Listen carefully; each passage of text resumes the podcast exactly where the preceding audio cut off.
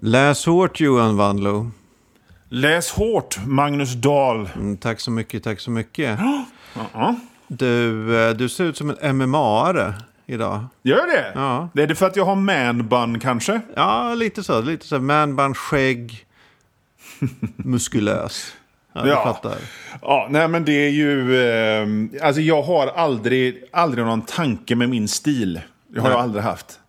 För jag lever i... Jag lever... Jag, jag, alltså så här, min bild av mig själv är liksom som... Jag vet inte, Robert Crumb, den här underground-tecknaren. Lite hopsjunken och bara lever i huvudet och konst och litteratur och jazz och sånt.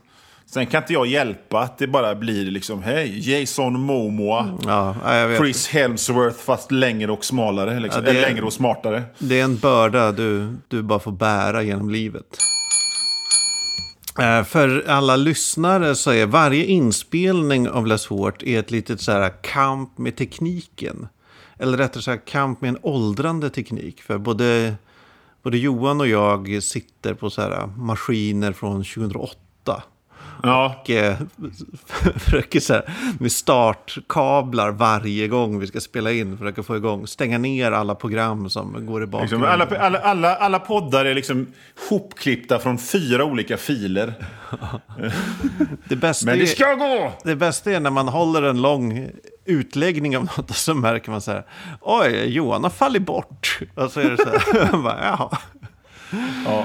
Ja, nej, men Ja, sånt, det här det är ju gå. faktiskt Läs hårt. Det Ja. är eh, en podd där vi pratar om böcker. Kanske de bästa böckerna. Mustiga böcker pratar vi om. Och i den här säsongen så är vi tillbaka i Les Hårts ursprungstanke.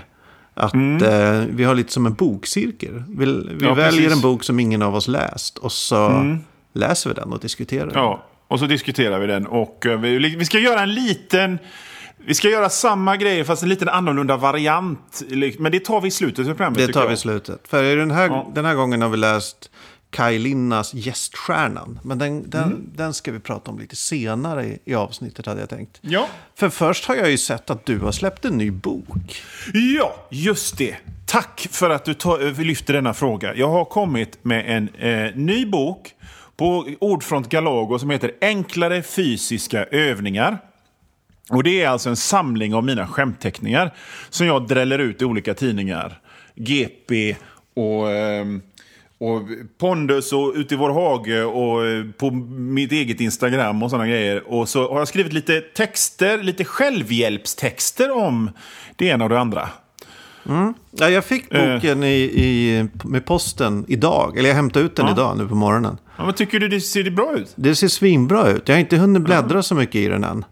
Eh, och jag har ju som då policy att jag vill ju inte såga svenska författare i den här podden. så, eh, nej, men det ser, det ser kanon ut. Jävla trevligt omslag också. Ja, nej, men det, det, det är ett fotomslag där jag... Eh, om vi säger så här.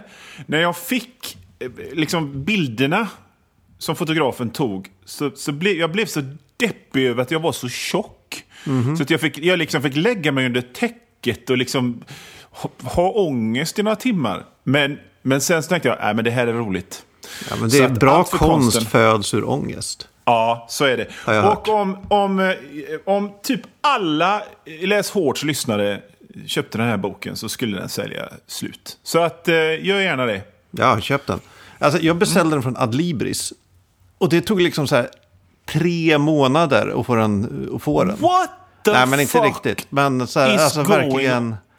Och det har, Adlibris har varit så jäkla sega i leveranser på sistone. Alltså det har verkligen Ja. gått så här tre veckor. Lätt tre veckor. Och jag undrar vad fan det är på gång. Och Bokus är likadana. Ja. Eh, liksom, vad är det som händer med...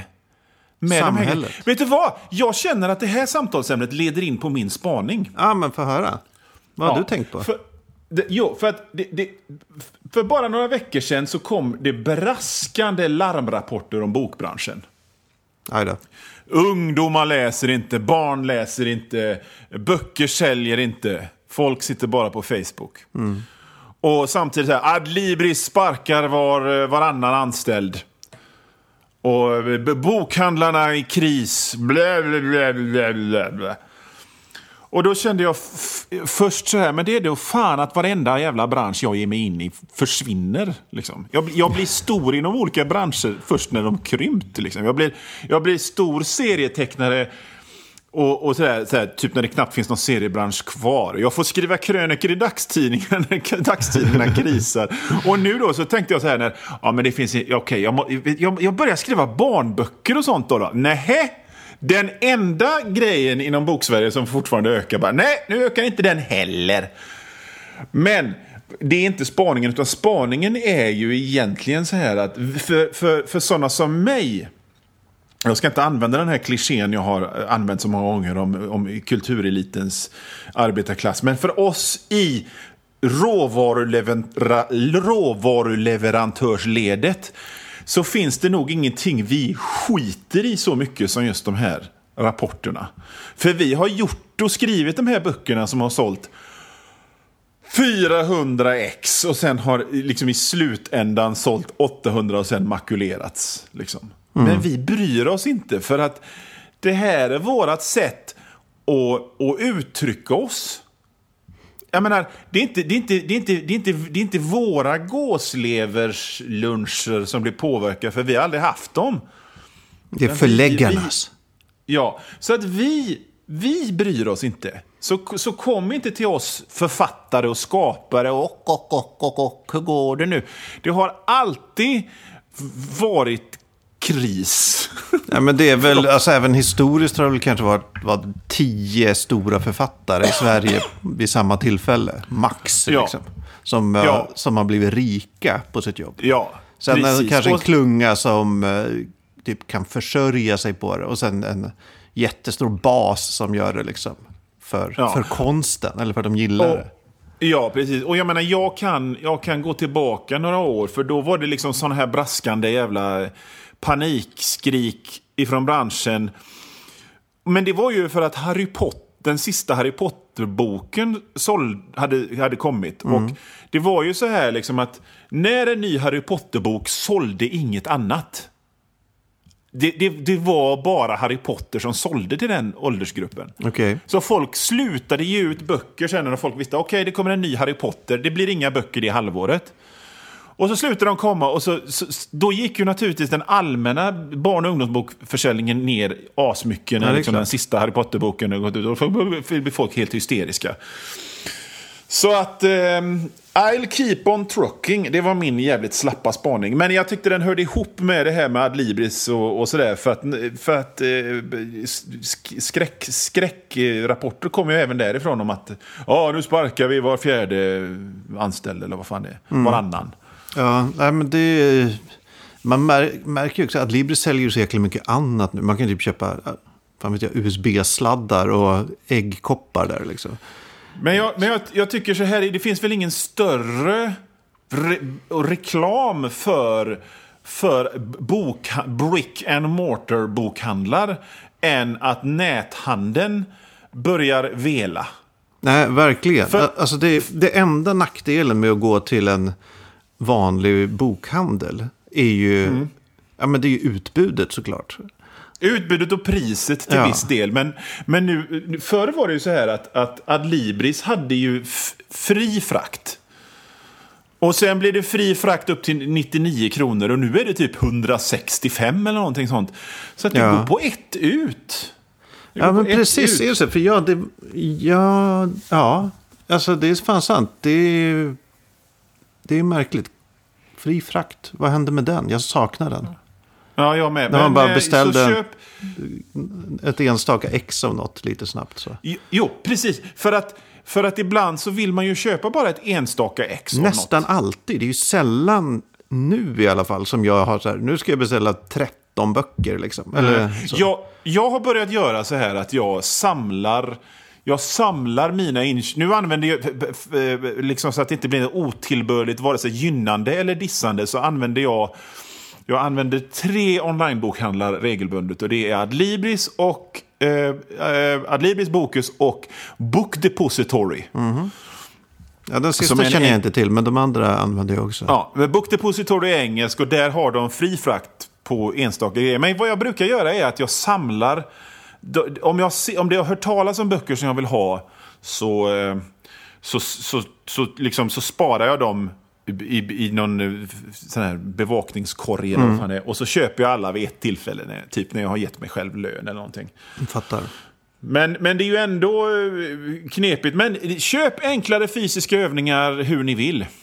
Ja, vad fan gör det? Alltså, när jag, blev, jag kände igen vissa teckningar, typ från, mm. från ditt Instagram möjligen. Mm. Men eh, eh, det känns ju som, ska man liksom ta del av det här någon annanstans, mm. då måste man, det går typ inte. Alltså man kan Nej. inte hitta alla de här på ett enkelt sätt, på något Nej. annat sätt. Så Nej. vill ni ha 140 sidor? Ja, typ. Johan Wandlo så är det bara att hugga. Ja. Ja. Ja, nog med så här äcklig, äcklig reklam, Johan. Men jag, jag, apropå att du har släppt en bok och apropå ja. det där med nätbokhandlar och sådär. Så har jag läst lite om så här betygs, att sätta betyg på böcker online. Mm. Alltså typ, man kan ju sätta betyg på Adlibris tror jag till och med numera. Men så här ja. kanske främst på Amazon och Goodreads och du vet sådana tjänster. Ja. Där man uppmuntrar att du så fort du har läst klart en bok, sätt en stjärna. Hur många stjärnor är den värd? Liksom, så. Ja, precis. Uh, det är ju ett jävla godtyckligt system på många sätt. För även ja, om... Även om det så de facto finns en viss skala, typ som på Goodreads så är en stjärna betyder jag gillar den inte. Och så här, ja. tre stjärnor betyder jag gillar den. Så mm. har ju folk sina egna tolkningar. För många är ju så här, en stjärna är det här var det värsta jag läst i hela mitt liv. Ja, precis. Medan så här, en trea, fyra kanske är så här medel. Eller jag tyckte den var bra. Så. Ja, eller med. Ja, liksom. exakt. Uh, jag kommer ihåg på Aftonbladet så hade vi ju uh, plus. Så 1, 2, 3, 4, 5 plus. Fast egentligen mm. var det en sexgradig skala. För det fanns ett minus också. Som aldrig okay. nästan gavs ut. Ja. Uh, och det gjorde ju att 2 plus, som folk tolkar som dåligt, egentligen var godkänt. Ja. Uh, så det blev ju hela tiden så här, ja, skitsamma. Uh, men i alla fall. Uh, jag började tänka på det här med betyg när jag fick hem, faktiskt för något år sedan, jag fick hem en bok jag kickstartade, en fotobok av Sean Bonner. Mm.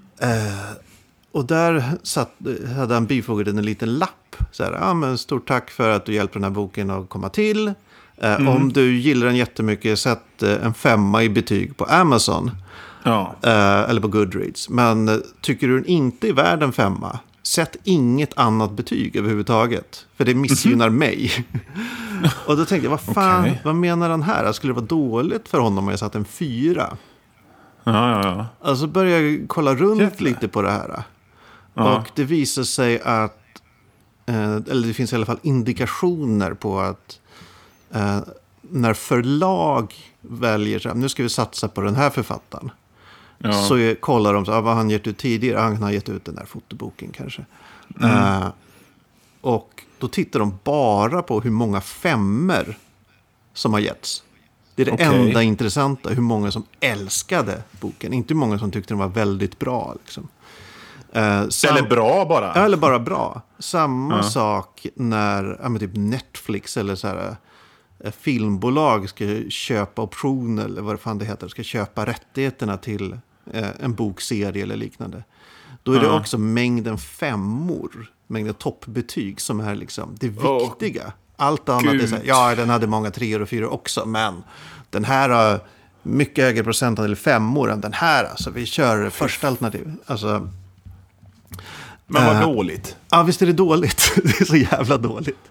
Man ja. blir liksom helt matt av, ja, av att tänka man på blir det. Helt matt. Och jag blir även matt av, av det här jävla interaktiva... Att... Alltså jag har som konsument ingen annan jävla skyldighet än att bara... Eftersom jag har betalat... Jag tycker så här att om jag har betalat för boken så börjar och slutar mina förpliktelser där. Mm. Men liksom varenda jävla författare på, på, på Twitter så här. Sätt ett betyg, det hjälper min algoritm. Och jag fattar ju detta. För att jag menar, det hjälper ju mig också jag menar, eftersom jag gör böcker. och så, Men jag tycker samtidigt bara, nej, jag vill inte hålla på och engagera mig. Jag vill läsa boken och känna hur den skaver mot min själ och, och, och så vidare. Så ska det vara bra sen. Alltså det jag tycker är, är, är mm, sämst, eller vad ska man säga? Eh, eller en sak som jag inte gillar. Det är när man läser en Kindle eller e-bok. Jag gissar att det gäller nästan vilka e-boktjänster än har. Eh, så när du är klar så poppar det upp, sätt ett betyg. Alltså direkt när du typ kommit till sista sidan. Vad tyckte du om den här boken? Berätta. Och grejen är, det vet man ju sällan precis efter man har läst klart boken. Nej. Så det betyg du sätter så här, för att det kommer upp en prompt, det är ju sällan rättvist. Alltså antingen är det för Nej. högt eller så är det för lågt. För det kan ju bero på så här, ja, hur mycket, vilka känslor man har just i det ögonblicket. Liksom. Om man har fått liksom restskatt eller någonting. Ja, eller bara så här, man är så här upprörd över att slutet inte var som man tänkte eller hade förväntat Ja. sig. Eller liksom så här, vad som helst. Du är sjuk. Men det är ju hur vanligt som helst. Jag pratade ju i förra programmet om Lee Childs. Ja. Och jag menar, minnena av de böckerna är ju inte bra någon av dem så här i efterhand. Utan det är bara, "Äh, vad fan. Men medan jag läste dem hade jag kul. ja. Och sen en annan grej som jag märker med mig själv, för jag, jag sätter aldrig betyg på Amazon eller något sånt. Men jag har ju Goodreads, men jag har ju Goodreads för att liksom eh, hålla koll på mitt eget läsande, för jag, jag glömmer vad jag har läst. Så jag kan tycka det kan vara kul att gå tillbaka två år och se vad jag läste då. Men när jag sätter betyg där så märker jag att jag gärna inte sätter under en trea även om jag tyckte boken var liksom... Det finns ett... I, i bra-spannet så, så finns det ju alltid från sådär okej till bra. Gör Och jag sätter gärna under tre för att jag vill liksom inte... Jag vill liksom inte erkänna att jag har slösat tid på denna bok. Så att jag friar hellre än fäller. Och, ja, men det var väl, här, det var väl trevligt. Sådär va? Mm, ja, jag försöker också Och så sen så tittar så. man på vilka femmer jag har lagt och så, så märker man, har jag lagt femma på den? ja, men jag njöt så jävla mycket under själva läsningen. Och det kan lika gärna mycket ha med att göra att jag satt med en filt framför brasan i sommarstugan och läste boken. Ja. Som själva boken. Va? Ja, det är Så att- väldigt många faktorer som påverkar. Eh, Men det Så, så, så rekommendationsgrejen är ju en sak, men att de här, att de här liksom penganissarna på storbolag och förlag sitter och kollar på detta, det är ju deppigt. Ja, det är deppigt. Det, det är ju verkligen...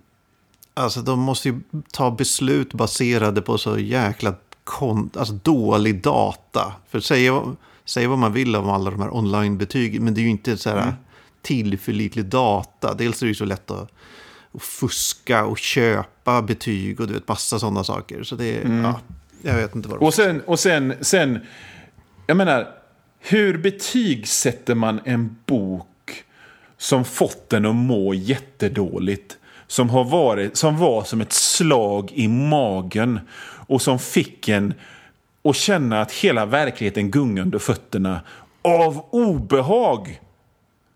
Fan Ja, vad bra! precis. Liksom. Jag ger den fem stjärnor, femma, ångrar att jag fem- köpte den.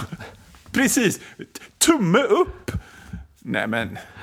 Nej. Och jag menar, det, det, är ju, det, är ju, det är ju det här internets jävla popularitet. Och popularitet och bra ska fan inte nämnas på samma dag. Nej, det är ju... Ibland går det hand i hand, men eh, Ja. långt ifrån alltid. Nej, precis. Har du läst något på sistone då? Eh, ja, jag läste inte riktigt något som är, är värt att prata om, tycker jag. Nej. Nej, alltså, nej. Okej. Nej, Jag nej. läste massa fantasy. Ja, ja. Det, men inget som har verkligen varit bu eller bä egentligen. Eller varit bra, men så, inget att, som jag vill diskutera egentligen. Nej, nej. Ja, så kan det vara ibland. Ska vi bara gå vidare till eh, och prata om huvudnumret? Ja, det kan, det kan vi. Jo, jag vill bara säga Ja, en sak. Kör. Eh, att, eh, för jag har heller inte läst någonting. Jag, jag, jag, jag, jag fastnade i en bok och då blir det så gärna som det blir ibland. Att man bara... eh, Jag läser serier istället. Ja. Det kan bli så ibland. Men jag vill bara säga, jag fick, jag fick en bok av Peter Bergting, hans nya bok Drakar. Oh, den vill jag ha. Eh, Ja, eh, nu ska vi se, jag ska ta fram titeln. Den heter eh, Drakar, stora boken om bevingande bestar från Smaug till Katla av Peter Bergting. Och det är både text och bild av Peter Bergting. Han är ju, han är ju både en grym författare och en fantastisk illustratör. Och den är ju ljuvlig, den här boken. Ja, jag måste skaffa den. Ja, så att, tack Peter att jag fick den. Ska vi gå över till huvudnumret då? Ja! Oj, förlåt. Mm. Ja, det här, uh, boken i fråga, mm. Gäststjärnan av Kaj Linna. Mm. Eh, det här är ju, jag tror det är den första bok vi pratar om i podden som det funnits lite ett bass kring. Ja. För den har liksom, den har varit, eh, i ny kulturdelar har skrivit om det. Det har tagits upp i okay. andra större poddar. Och liksom, det har jag missat faktiskt. Men, ja, det har twittrats och det har facebookats och sådär. Så det har varit liksom mm. ett surr kring det här släppet. Okay. Och det är ju mm. inte vi vana vid. Vi är ju vana Nej. att verka liksom i, i skymundan. Med saker Köra som ingen... ner händerna i myllan och ta fram tryffelbitarna. Mm. Ja, men precis. Uh, men mycket av uh, det basset har ju mm. varit att det är så jäkla oväntat att Kaj Linna, som satt oskyldigt dömd för ett rånmord, tror jag det var, i ja. 13 år. Att han släpper en tidsreseroman. Ja, jo, det är onekligen. Att, att det är liksom det, någon sorts diskrepans mellan vad man har för bild av en person och vad den personen skriver. Det hade ju faktiskt varit mer, om man ska följa hur liksom sånt brukar hända, när, när, när en sån här kändis, när liksom någon har blivit ofrivilligt kändis, då är det ju faktiskt mer vanligare att de typ släpper en singel eller något. en singel? Eller, eller liksom en singel. På 70-talet var det att de släppte en countrysingel med något dansband som komp. Eller att de skrev sin självbiografi. Inte en young adult fantasy western som det här är. Är det young adult? Nej, men alltså jag fick lite vibben av young adult. Alltså huvudpersonen, alltså, vi kan ju snabbt, eh, obs, vi spoilar i den här podden. Ja, uh, yes. Huvudpersonen är, han är ju en young adult. mm. 16-17-årig eh, amerikansk hockeyspelare. En talang. Mm. Mm. Eh, som plötsligt, mitt under en match, match så blir han allvarligt skadad och vaknar upp alltså, långt tillbaka i tiden, på typ samma plats. Ja. Uh, alltså, han vaknar upp i det prekolumbianska Amerika med massa indianstammar och grejer som han blir ja. ofrivilligt eh, indragna i diverse konflikter och familjekonstellationer och sådär. Ja. Uh, det är grundstoryn. Uh, ja. såhär, hur, hur, han förhåller sig till den nya världen. Så. Ja. Uh, när, vad, när du började läsa den här boken, vad hade du för... Vad kände du? Nej men jag, så här, jag, jag, för jag försökte gå in i, i boken med öppna ögon. Och det är väldigt mycket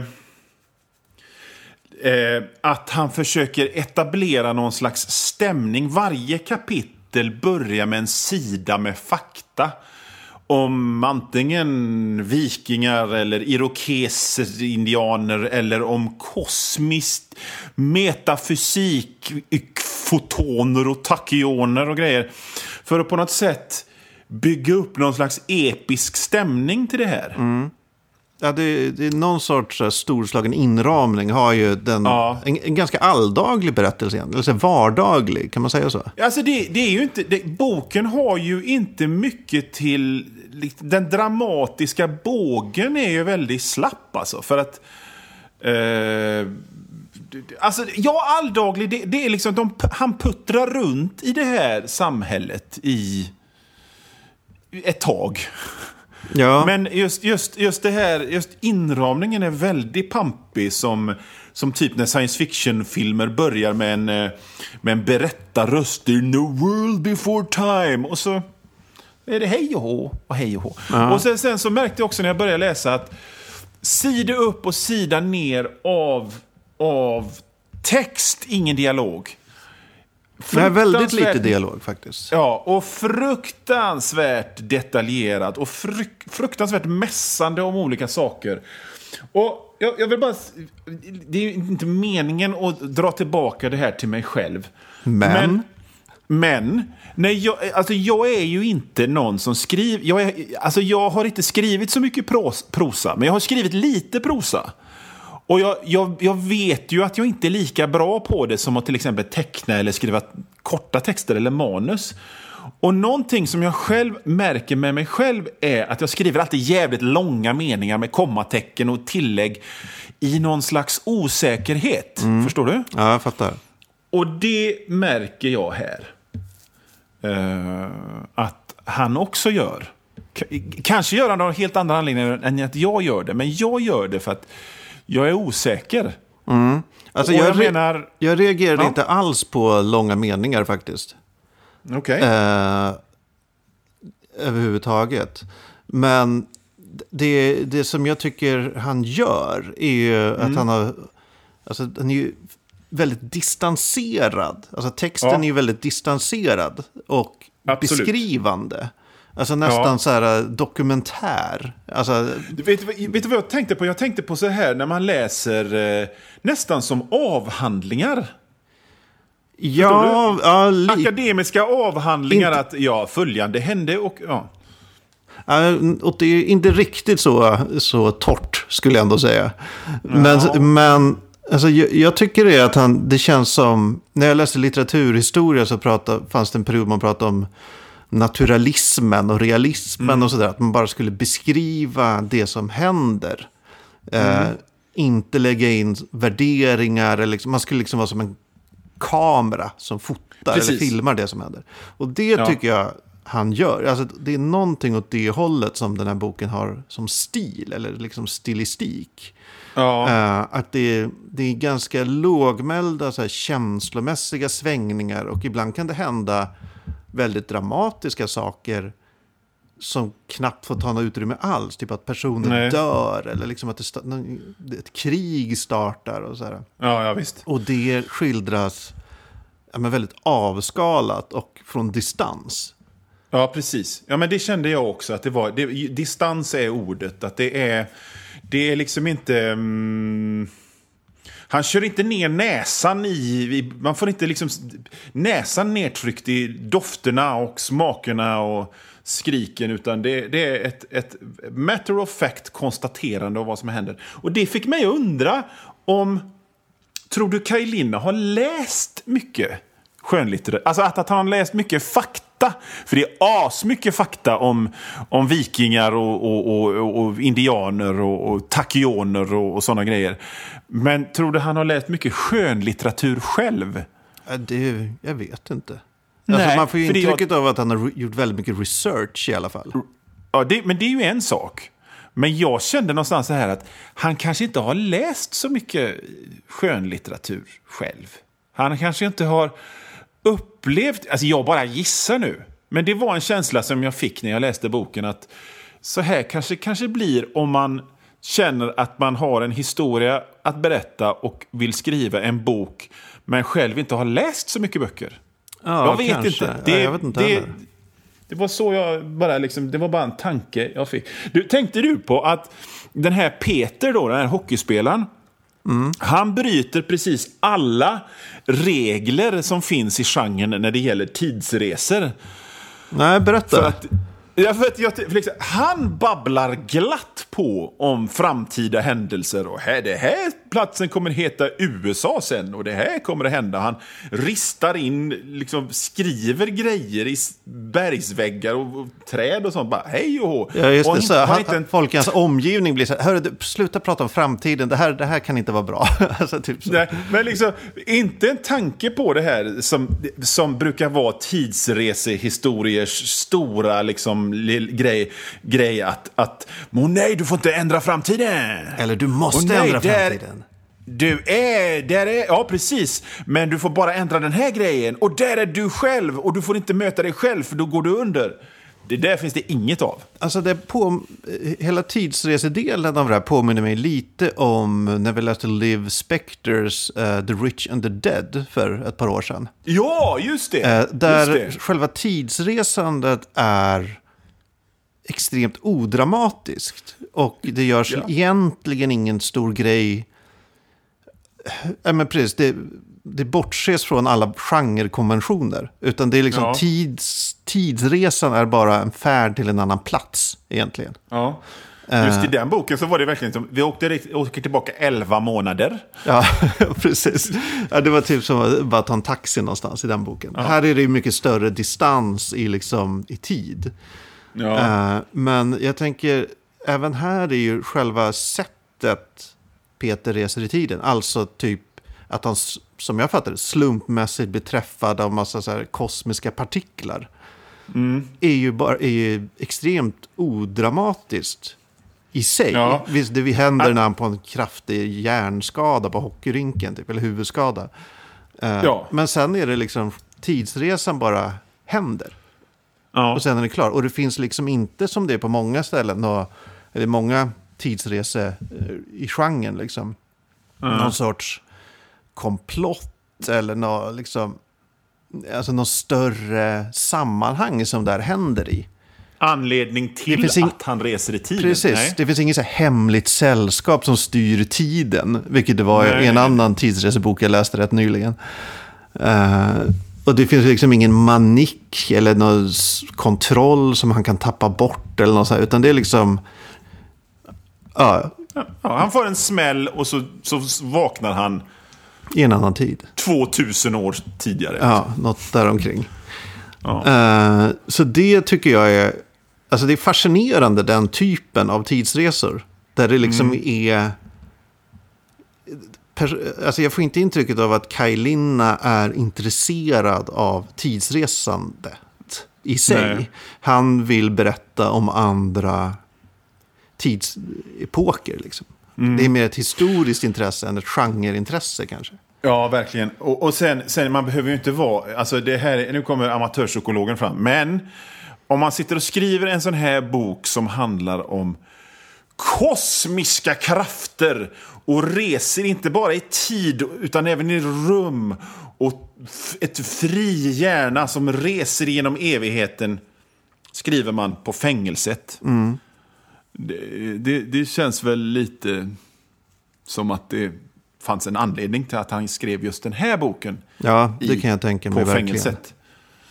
Ja. Det, eh, jag var också, när vi pratade om, eh, om just tidsresegenren, så är det här ganska annorlunda i det att han anländer i ett sammanhang. Alltså dels ett väldigt, det är inte en klassisk tidsresedestination att Nej. hamna bland indianer i, i tusentalets eh, Nordamerika.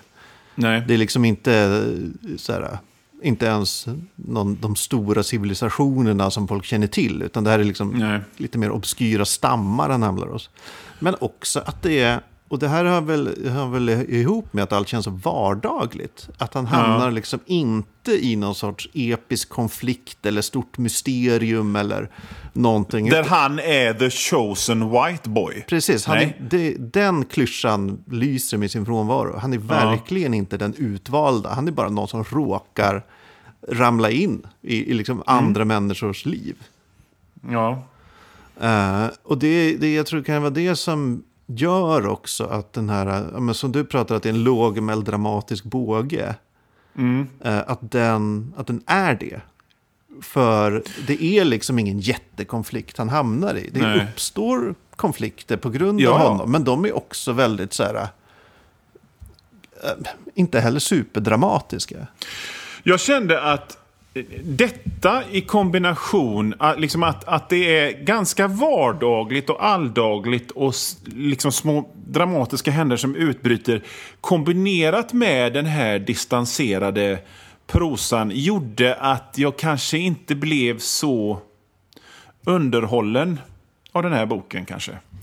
Nej, jag blev inte Eh, Ja, uppslukad det kändes av den. liksom så här bara... eh, Ja, nej, men det var liksom inte... Jag, jag, nej, precis. Du sa det, huvudet på spiken. Jag blev inte uppslukad av den, utan jag kände jaha, nu ska jag väl läsa. Men samtidigt var den, när jag läste så var den ju inte så här tråkdålig ut på något sätt, utan det Nej. var bara, ja, hej och hå, nu hände detta.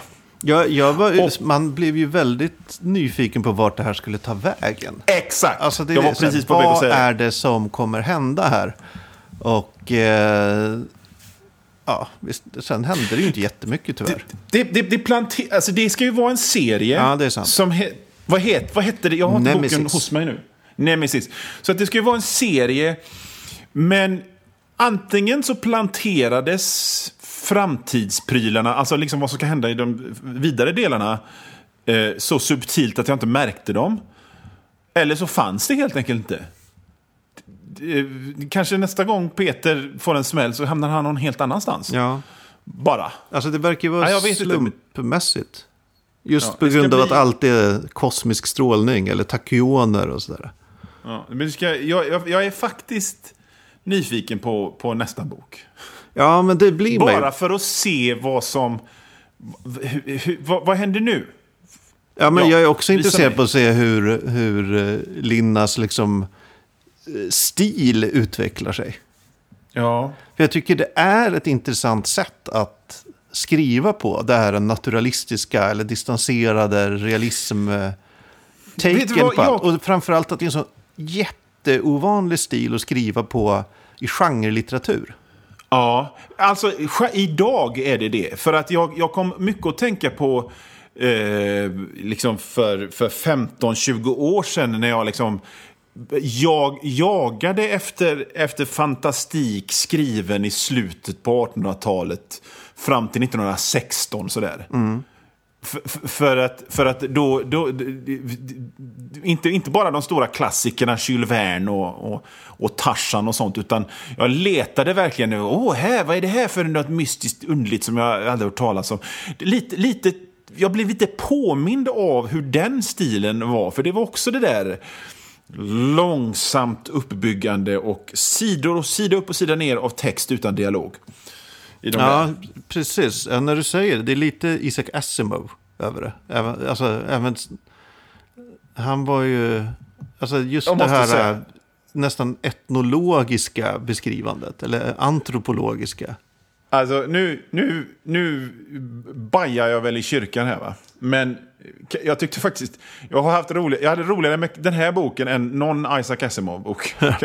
Jag tror, du, du, du missar inget tillfälle att smaska till, smacka till Isaac Asimov. Det, det uppskattar jag väldigt mycket. Nej men jag blir bara liksom, jag, jag, jag tänker på, åh stiftelse, tri- stiftelsetrilogin är ju så jävla trökig. Ja, det är det. Ja, den, här, den här var helt klart mer underhållande än, än Isaac Asimov, verkligen. Uh, men jag tänker, vad mer? Jag, ja, eh, du påmindes av uh, sekelskiftes uh, genre. Jag tänkte mycket på vad man inom rollspelssammanhang kallar culture gaming. Okej. Alltså att man vill, att man vill liksom bara skapa karaktärer och låta dem leva i en annan kultur och liksom reagera på den kulturen. Alltså att det, bara, det är huvudsaken. Inte så mycket att här, det ska vara stora dramatiska skeenden, utan de kommer väl ändå. Men att Ja. det är just inte, ja, men som jag sa, ett antropologiskt perspektiv nästan på, Ja. på uh, genren. Ska vi knyta ihop säcken där? Ja, ja Hur det många, gör- hur många plus ger vi den här? Ja, vi sätter ju inte betyg. Nej. Nej. Sånt tjafs. Men eh, framför allt så eh, ska vi prata om vad vi ska läsa härnäst. Och där har Just du det. grunnat lite. Ja, det är så här att jag har, jag har noterat att det finns en väldigt mystisk genre. Okej. Eh, som handlar om... Det finns hur många bokserier som helst som handlar om en kvinna som jobbar i en bokhandel och har en katt som löser brott. Alltså, Det är liksom själva katten som är hjälten. katten löser brott. Katten löser brott. Men vänta, det finns hur många... se- Menar du att det är liksom... Att det är en författare som skriver jättemycket om det här? Eller att Nej, det är nej, liksom... nej, nej, nej. Jag, jag, jag har, jag har, jag, igår kväll så satt jag och sökte på Cat-themed cozy mysteries. Okej. Och det finns 1, 2, 3, 4, 5, 6, 7, 8, 9, 10, 11, 12, 13, 14, 15, 16, 17. Och, Alltså 22 pågående serier med katter som löser brott. Med någon kvinna. Okej. Det kan, och det, och liksom, om vi tittar så här, det, det finns... Det finns väl åtminstone fem, sex, sju som handlar om en kvinna som äger antingen en bokhandel eller ett antikvariat. Ihop med en katt. Som, som, som löser mysterier. Eller så är det liksom att hon är fyrvaktare. Eller att, eh, att hon eh, är lärarinna. Men lite alltid ensam kvinna känns det som. Alltid ensam kvinna. Alltid att kvinnan har, är från hennes giftermål har kraschat eller att hennes... eh, Eller att hon är änka eller någonting. Intressant. Alltså det här känns som antingen att du öppnar eh, dörren till, på liksom locket på en fantastisk skattkista nu. Eller Ja. att du öppnar locket på bara en, ett, en tunnel ner i avgrunden. Men jag, jag, bli, jag kan inte låta bli eh, att... Eh, att, eh, att eh, Liksom, jag, ville, jag, ville, jag, ville, jag ville testa någon av de här. Och vad är bättre då än att vi testar det här ihop? Så att den här gången, så, så eftersom det finns så många olika serier och böcker i det här, så ska vi Aha. läsa varsin Cat-themed Cozy Mysteries. Åh, och jag ska läsa en bok eh, eh, i serien eh, nu ska vi se, the, A Cat in the Stacks Okej. av Miranda James. Och boken då är den första i serien. Det finns, nu ska vi se, 11 stycken vid det här laget. Men jag ska läsa den första i, se, i serien A Cat in the Stacks. Och den heter Murder Past Due. Men vad- Den, Okej. utspel, den utspelas i Mississippi och it features widow and kind librarian Charlie Harris and a coon cat named Diesel. Fan, vadå, ska jag läsa en annan bok då? Ja, och du ska då läsa en annan bok som heter eh, Double Booked for Death, A Black Cat Bookshop Mystery of Ali Brandon. Okej. Och den handlar om Darla Pettistone som lämnade Texas för New York eh, after unexpectedly, unexpectedly inheriting her great aunt Dee's Brooklyn bookstore. Det var Och som eh, där fan. finns det även att hon hade även ärvt the store mascot Hamlet. Är det katten An då? oversized black cat with a personality to match. And he may be more trouble than Darla bargained for. Fan vad mysigt det ska bli! Det var, det var länge sedan jag kände att det så här bara spritte lite i kroppen. Visst, eller hur? Det här kommer jag bli känner inte så här som det kan kännas ibland att man bara, åh nej, jag vill inte läsa detta. Utan jag känner verkligen bara, åh vad kul, vad kul. Fan, alltså jag, för, någon gång på 90-talet läste jag flera böcker eh, som var så här fantasy-antologier som handlade om katter. Mm. Jag tror att det är typ Cat Fantastic, så här del 1 till 5 kanske. Eh, men där, där var det liksom bara, all, det var bara, det kunde vara allt möjligt som handlade om katter i dem. Mm. Men jag har, eh, det här, det här eh, katter som löser brott känns ju helt fantastiskt. Jag måste, måste beställa den här omedelbart. Ja, precis. Och det pratar vi om i nästa Läs hårt då. Och vi uppmuntrar alla lyssnare att antingen läsa de två böcker vi nyss nämnde. Eller bara en annan cozy cat-themed, eh, vad du nu kallar dem. Eh, Gör så här, lyssnare. Antingen läser ni någon av de här eller så, så skriver ni in orden Cat-themed cozy mysteries i era Google-apparater och så tar ni någon. Och så läser ni den tills, tills nästa gång. Och så snackar vi om det då. Ja. Läs hårt, Magnus! Läs hårt Johan.